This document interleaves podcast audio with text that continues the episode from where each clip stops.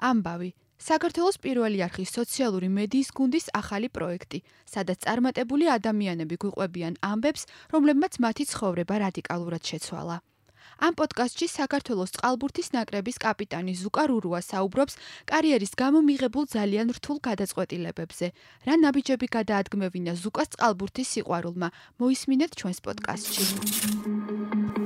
დროს მომიწია სპორტული კარიერის დაწყება. არ ნებდებოდი პირველ რიგში რა თქმა უნდა, იმიტომ რომ მინდოდა რომ მაინც სპორტსმენი ყოფილიყავი.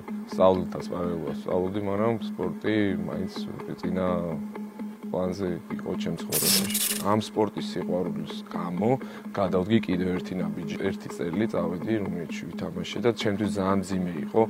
ბევრ რაღაცა გადავლახე მაგ პერიოდში, იმიტომ რომ მართლაც ოჯახის განშორება იქ ცხოვრება მარტო ფინანსური დაინტერესება სხვა არის და მართლა წყალბურთის სიყვარული სხვა არის და ეს იგზნობა ჩემში და ამით მაგ ბევრი რამე მართლა მიღწეული ალბათ და აი ეგ არის ძალიან სასიამოვნო ფაქტორი. არის მომენტები ხო არ ვინანე რომ გავყევი წყალბურთს და ამდენი დრო დაუთმე, მაგრამ ბოლოს ქვეცნობიერი გემუნება რომ არა, ნამდვილად არა. ის სიამოვნოს პირველ რიგში რომ საზოგადოებაში იმსახურებ დიდ პატივს და ეს არის ალბათ თავარი ეს იყო მთავარი მიზანი მაინც ჩემი ცხოვრებაში, სპორტულ კარიერაშიც. რა საქმეც გიყვარს, იმას უნდა მართლა ناყოფი რომ გამოიღოს, მართლა ბევრი შრომა არის საჭირო და ბევრი შენ თავზე მუშაობა, რა თქმა უნდა.